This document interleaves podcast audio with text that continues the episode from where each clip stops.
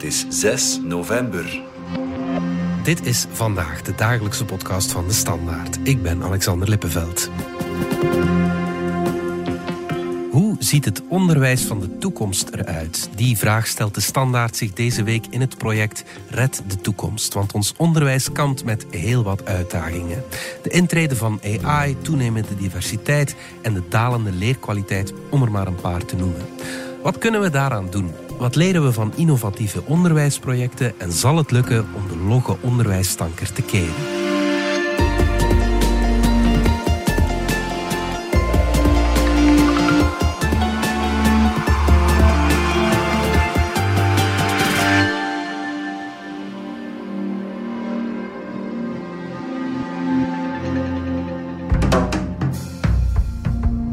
Klaas Manhout en Amber Janssens van onze binnenlandredactie. De Standaard lanceert vandaag Red de Toekomst. Een ambitieus project om te beginnen.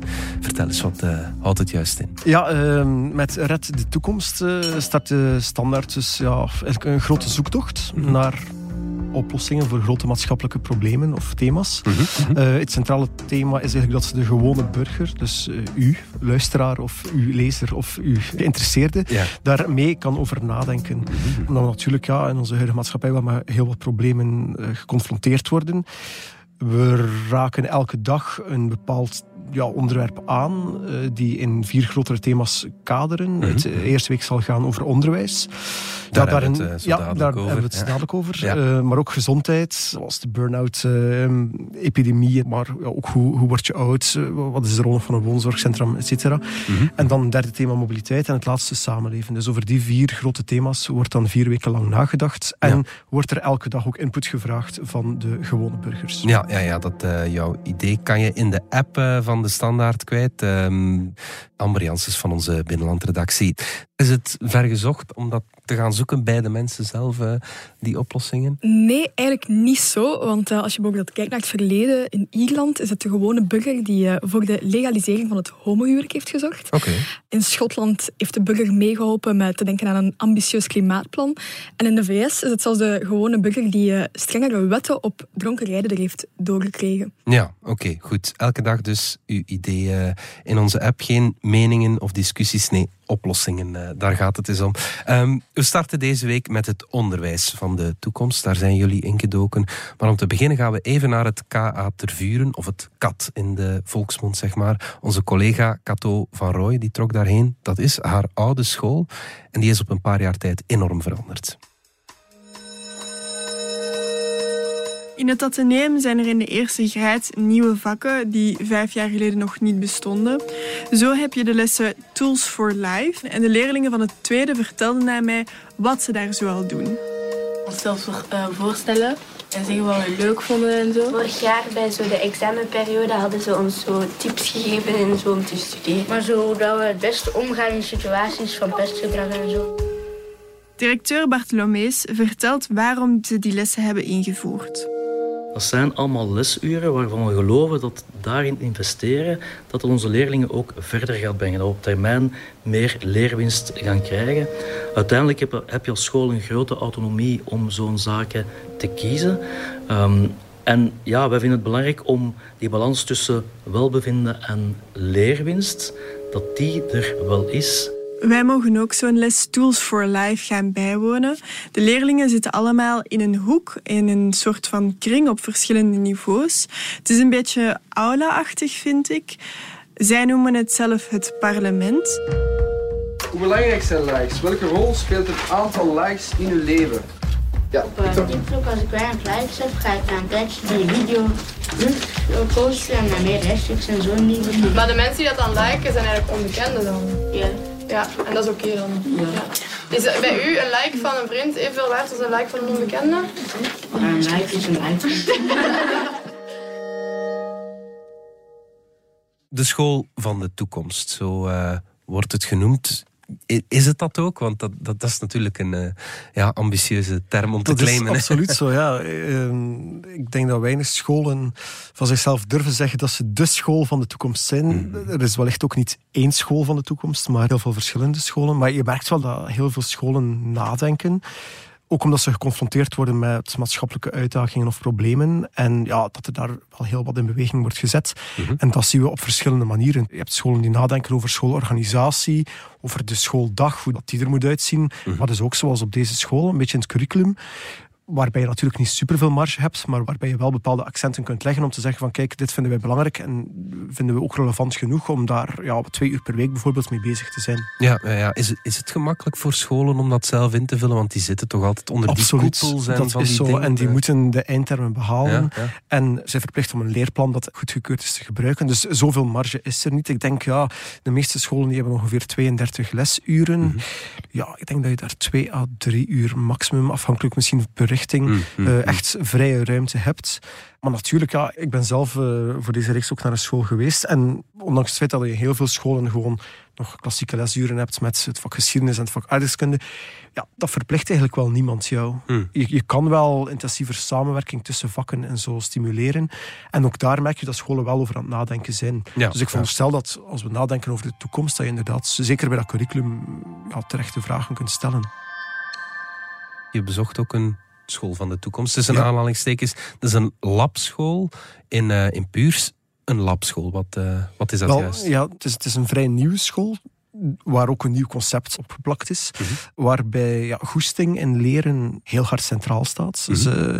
en dat, dat leren dat is zowel voor leerlingen als voor leerkrachten. Dus ze verwachten dat zowel leerlingen constant willen bijleren, maar ook leerkrachten. Mhm. Dat is ergens wel een Achilleshieltje in het Vlaamse onderwijs. De leerkracht is niet altijd, ja, heeft ook weinig ruimte daarvoor, hè, maar is ook niet altijd vragende partij om voortdurend te groeien als mens of als expert. Mhm. En dat is hier in deze school eigenlijk een vertrekpunt. Daarnaast eh, ja, hebben ze over heel veel dingen kunnen nadenken, want ze zijn een zeer nieuwe school. Mhm. Ongeveer eh, vijf, zestal jaar geleden opgericht. Ondertussen ook al een tweede, wellicht ook een derde school op komst. Een secundaire school. En ja, natuurlijk, als je van een wit blad kunt starten, geeft dat enkele voordelen. Mhm. Ze hebben bijvoorbeeld ja, zich, zich heel veel op studies gebaseerd. Hoor. Dus ze starten iets later om het puberbrein ja, ja. meer te volgen. Dus eh, ze hebben ook de dag iets anders ingedeeld. Na de eerste blokken van twee uur is er altijd een uurtje ontspanning, waarbij er bijvoorbeeld met de school een wandeling wordt gemaakt. Mhm. Maar dus elke dag en niet eenmaal per week bijvoorbeeld. Mhm. Ze hebben heel veel dingen doorgedacht en dat is wel fijn om, om te merken. Bijvoorbeeld, ja, ze verwachten van leerkrachten dat die 36 uur per week presteren. Mhm. Dat is uitzonderlijk, want in, eh, ik denk 98% van de Vlaamse scholen werk je gewoon per prestatienoemer. En dat is eigenlijk een moeilijk woord om te zeggen van kijk, van leerkracht X verwachten we dat hij 20 uur les geeft. Ja. Van leerkracht Y 22 en van leerkracht Z 28 uur. Ja, dat is een beetje ja, iets waar het onderwijs voor gekend staat. Eh. Die school zegt van ja, eigenlijk is dat absurd. Elke leerkracht is hier 36 uur. En in die 36 uur moet je geen 36 uur lesgeven. Er zit ook werktijd in, voorbereidingstijd, vergadertijd. Maar daar zit wel alles in die 36 Het, uur. het wordt wat meer een gewone job tussen aanhalingstekens. Ja, eh, ja. maar dat komt natuurlijk ook eh, vanuit de vaststelling dat heel wat leerkrachten worstelen met die Ja. eh, work-life balance. We, we hadden daar een paar jaar geleden een reeks over in de krant. Ik denk Ja. dat er veel leerkrachten aan 50 Ja. uur per week Ja, inderdaad. zaten. Ja, dus ja. het heeft voordelen en nadelen. Ja. En die school heeft daarvoor bewust voor gekozen. En dat is ook niet altijd een evident proces, maar ja, slagen zij daar wel zeer goed in Ja. om dat allemaal gebolwerkt te krijgen. een hulpmiddel, Amber, dat kan eh, AI zijn eh, natuurlijk eh, voor die leerkrachten. Maar zal AI ook de leraar kunnen vervangen, zeg maar? Wel, ik heb die vraag ook voorgelegd aan, aan drie leerlingen, aan drie studenten aan het middelbaar en ook aan een aantal onderwijsexperts. En eigenlijk is het antwoord bij iedereen volmondig nee. Een robot zal al zeker nooit voor de klas staan, maar ook een AI-tool kan gewoon de leerkracht niet vervangen, om de simpele reden dat menselijk contact zo hard nodig is. De leerlingen zelf gaven aan van ja, een goede leerkracht die gepassioneerd zijn vak overbrengt, iets wat dat een robot of een AI-tool nooit zou kunnen doen. Je leert daar zoveel van bij, je steekt daar zoveel van op.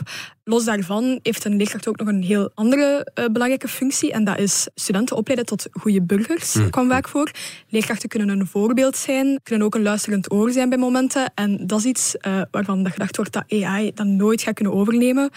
Los daarvan kwam bij de studenten ook wel heel opvallend altijd hetzelfde naar boven. En dat is een beetje het trauma van corona, waarin dat ze wel geëxperimenteerd hebben met zo meer op afstand, minder fysiek, YouTube-video's kijken in plaats van de leerkracht voor de klas. En daaruit bleek toch wel, ook al voor de mentale gezondheid van studenten, dat dat niet wenselijk is. Maar zei ook iedereen tegelijkertijd, AI en technologie is niet meer weg te denken. Zeker niet in de toekomst, zeker niet in 2050 of 2060. Dus dat zal wel een belangrijke rol innemen in, in ja, het leven van studenten en van de leerkracht. Maar eerlijk als ondersteuning. AI wordt gezien als een soort van co-piloot. Ja. Terwijl dat, ehm, de leerkracht wel nog altijd de hoofdpiloot Ja. blijft, om het zo te En zeggen. Maak dat eens concreet. Hoe kan AI dan Ja, dat kan op verschillende manieren. Eh, in de eerste plaats gaat technologie vermoedelijk kunnen helpen om leren meer op maat te maken van studenten. Eh, bijvoorbeeld door aangepaste leerpaden. Hoe gaat dat dan concreet in zijn werk? Als leerlingen bijvoorbeeld op hun computer een, een leerpad invullen, gaat technologie misschien kunnen monitoren van oh, die leerling heeft daar meer moeite mee of blijft bij die oefening hangen. En door al die data te verzamelen, gaan er dan ook wel meer op maat gemaakte oefeningen kunnen verschijnen of komen voor die leerlingen. Maar bijvoorbeeld die data verzamelen, dat kan ook wel nog veel verder gaan. En eh, blijkbaar in Shanghai is er al een school eh, die dat daar wel redelijk ver mee gaat. Bijvoorbeeld technologie gebruiken om te monitoren, eigenlijk om, om te checken in de ogen van leerlingen of ze nog aandachtig zijn, eh, of dat ze wel goed mee zijn ook. Het is China natuurlijk. Eh. Natuurlijk, maar, dus, maar dat is misschien iets wat dat ook wel kan in 2050 of 2060 bij ons. Al gaven de leerlingen zelf wel aan dat ze dat toch een beetje eng vinden. Ja. Dat dat misschien toch wel wat te ver gaat. Het is misschien ook een goed hulpmiddel in die, die administratieve last waar Zeker. veel leerkrachten over klagen. Dat kwam dus Ja. ook, eh, ook terug. Enerzijds technologie goed als ondersteuning voor de leerlingen, maar zeker ook voor de leerkrachten zelf. Hm. Denk bijvoorbeeld aan het verbeteren van toetsen, lessen voorbereiden, al dat soort zaken die dat toch wel vaak boven die 20 uur van het lesgeven zelf er nog bij komen. Daarbij zal technologie wel een grote rol kunnen spelen. Het gaat er gewoon op neerkomen dat de leerkracht in 2050 ermee gaat moeten kunnen omgaan. Die technologiegeletterdheid zal nodig zijn of Eigenlijk is er al veel mogelijk, maar nog niet elke leerkracht kan daar even goed mee overweg. En Ja, ja, ja. dat wordt wel verwacht dat de leerkracht in 2060 dat wel kan. Straks gaan we nog door op het onderwijs van de toekomst, maar eerst gaan we er even uit voor reclame. Schat, Ja, wat gaan we vandaag bouwen? wel, ik dacht aan die bloemen. Oh ja, leuk. Ja, hè? Voilà, klaar. Oh, zo schoon, hè? Ja, heel schoon. Enkel het trouwkleed ontbreekt nog, hè. Wat? Schatje, wilt je met me trouwen? Sommige gesprekken verdienen een blijvende herinnering. Bouw samen een Lego-set en leg die eerste steen.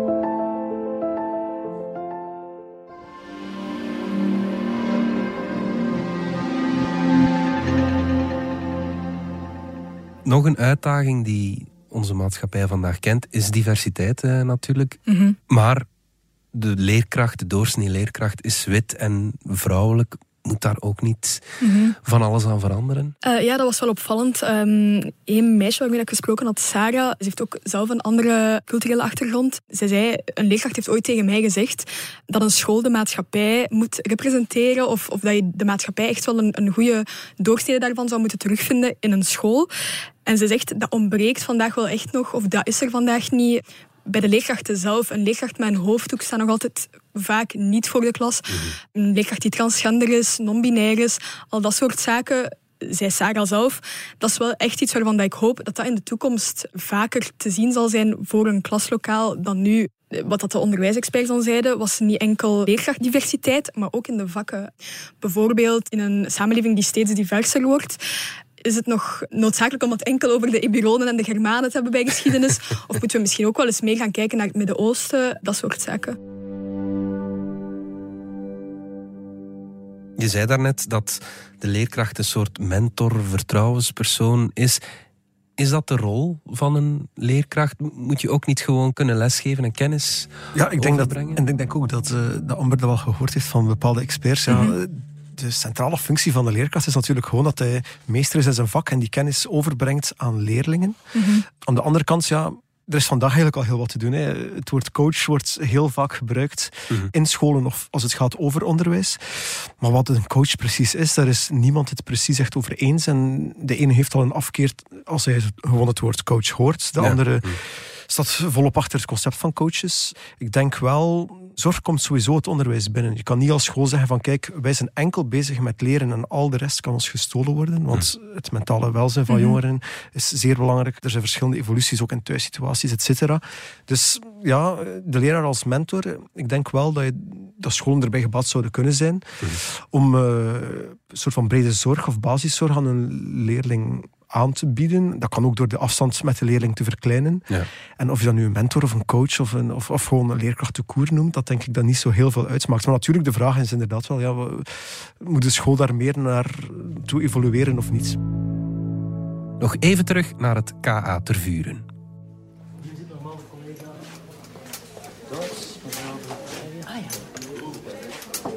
In de les van mevrouw Verdijen zitten de leerlingen in groepjes van vier, omdat ze een murder mystery aan het oplossen zijn. Aan mevrouw Verdijen vroeg ik wat voor haar de grootste verandering is voor de rol van de leerkracht. Ik, ja, ik voel- voel mij wel een coach meer dan een leerkracht of zo. ehm, waarin dat je veel meer kan begeleiden en inzetten op die noden die er zijn bij de leerlingen individueel. Dus ehm, ja.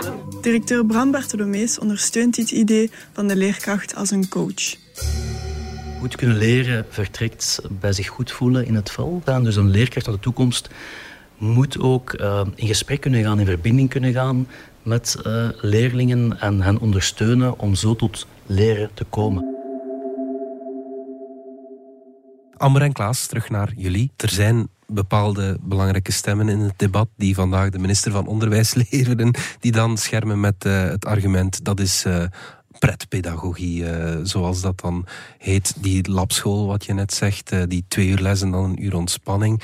Ik denk dat veel onderwijsexperts daar misschien ook niet mee akkoord gaan. Ja, maar ik denk wel dat, eh, ja, dat is misschien ook een van de dingen, dat we in de toekomst ook wel die valse tegenstellingen zullen moeten overstijgen. Want die labschool die, die heeft al een paar, twee keer bezoek gekregen van de onderwijsinspectie. Zeer goed rapport. Die zeggen ook zelf, de lat ligt hier zeer hoog. Dus ik denk dat we dat niet het ene of het andere is, maar dat je effectief al kunt zorgen voor en een menselijke school en een eh, zeer kwalitatief onderwijs.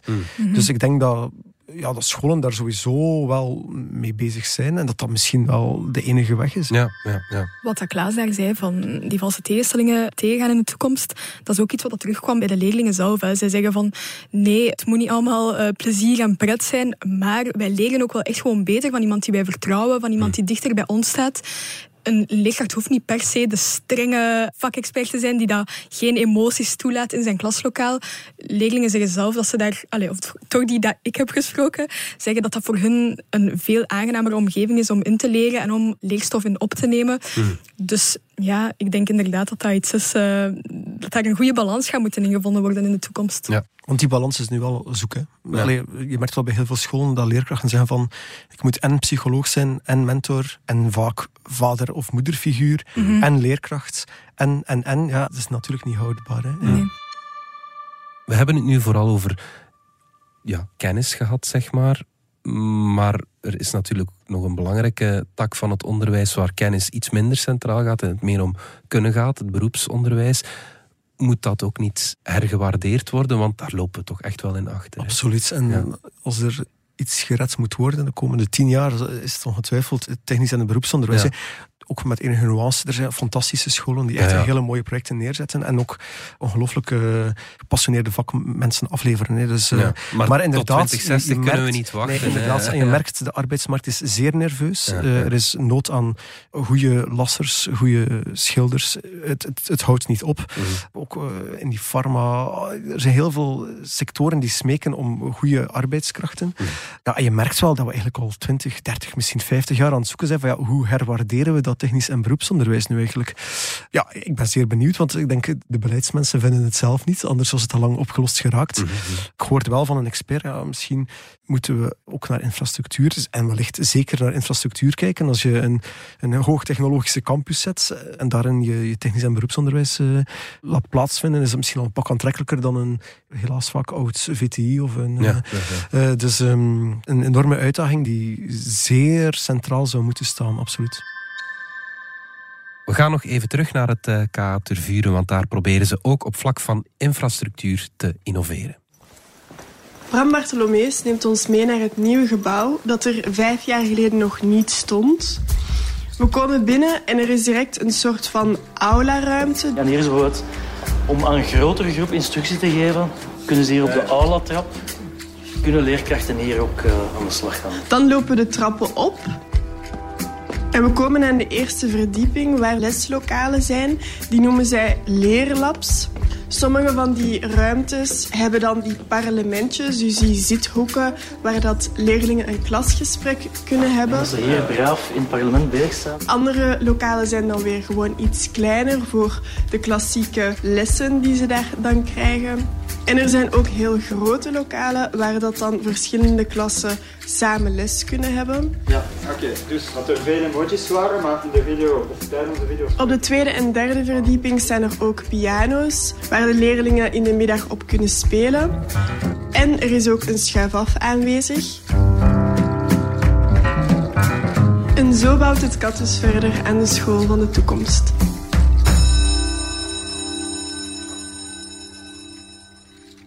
Tot slot, wat is jullie golden bullet idea? Hebben jullie dat? Uh... waar ik ja, toch van overtuigd ben, is dat we echt wel nood hebben aan een soort van nieuw onderwijskader, omdat je merkt dat heel veel scholen botsen op die enorme complexe structuur. En dat dat ook voor heel wat belemmeringen zorgt. En dat directeurs die puzzel vaak niet gelegd krijgen. Dat het vaak te complex is om er eigenlijk ook maar aan uit te geraken. En ik denk mhm. een vereenvoudiging of een nieuw systeem die veel helderder en transparanter en ook eenvoudiger is. Ik denk wel dat het onderwijs dat zou verdienen. Ja, ja, ja. Ik sluit me daar uh, bij aan. dat is goed. Oké, okay, Klaas Maanhout, Amber Janssens, dank jullie wel.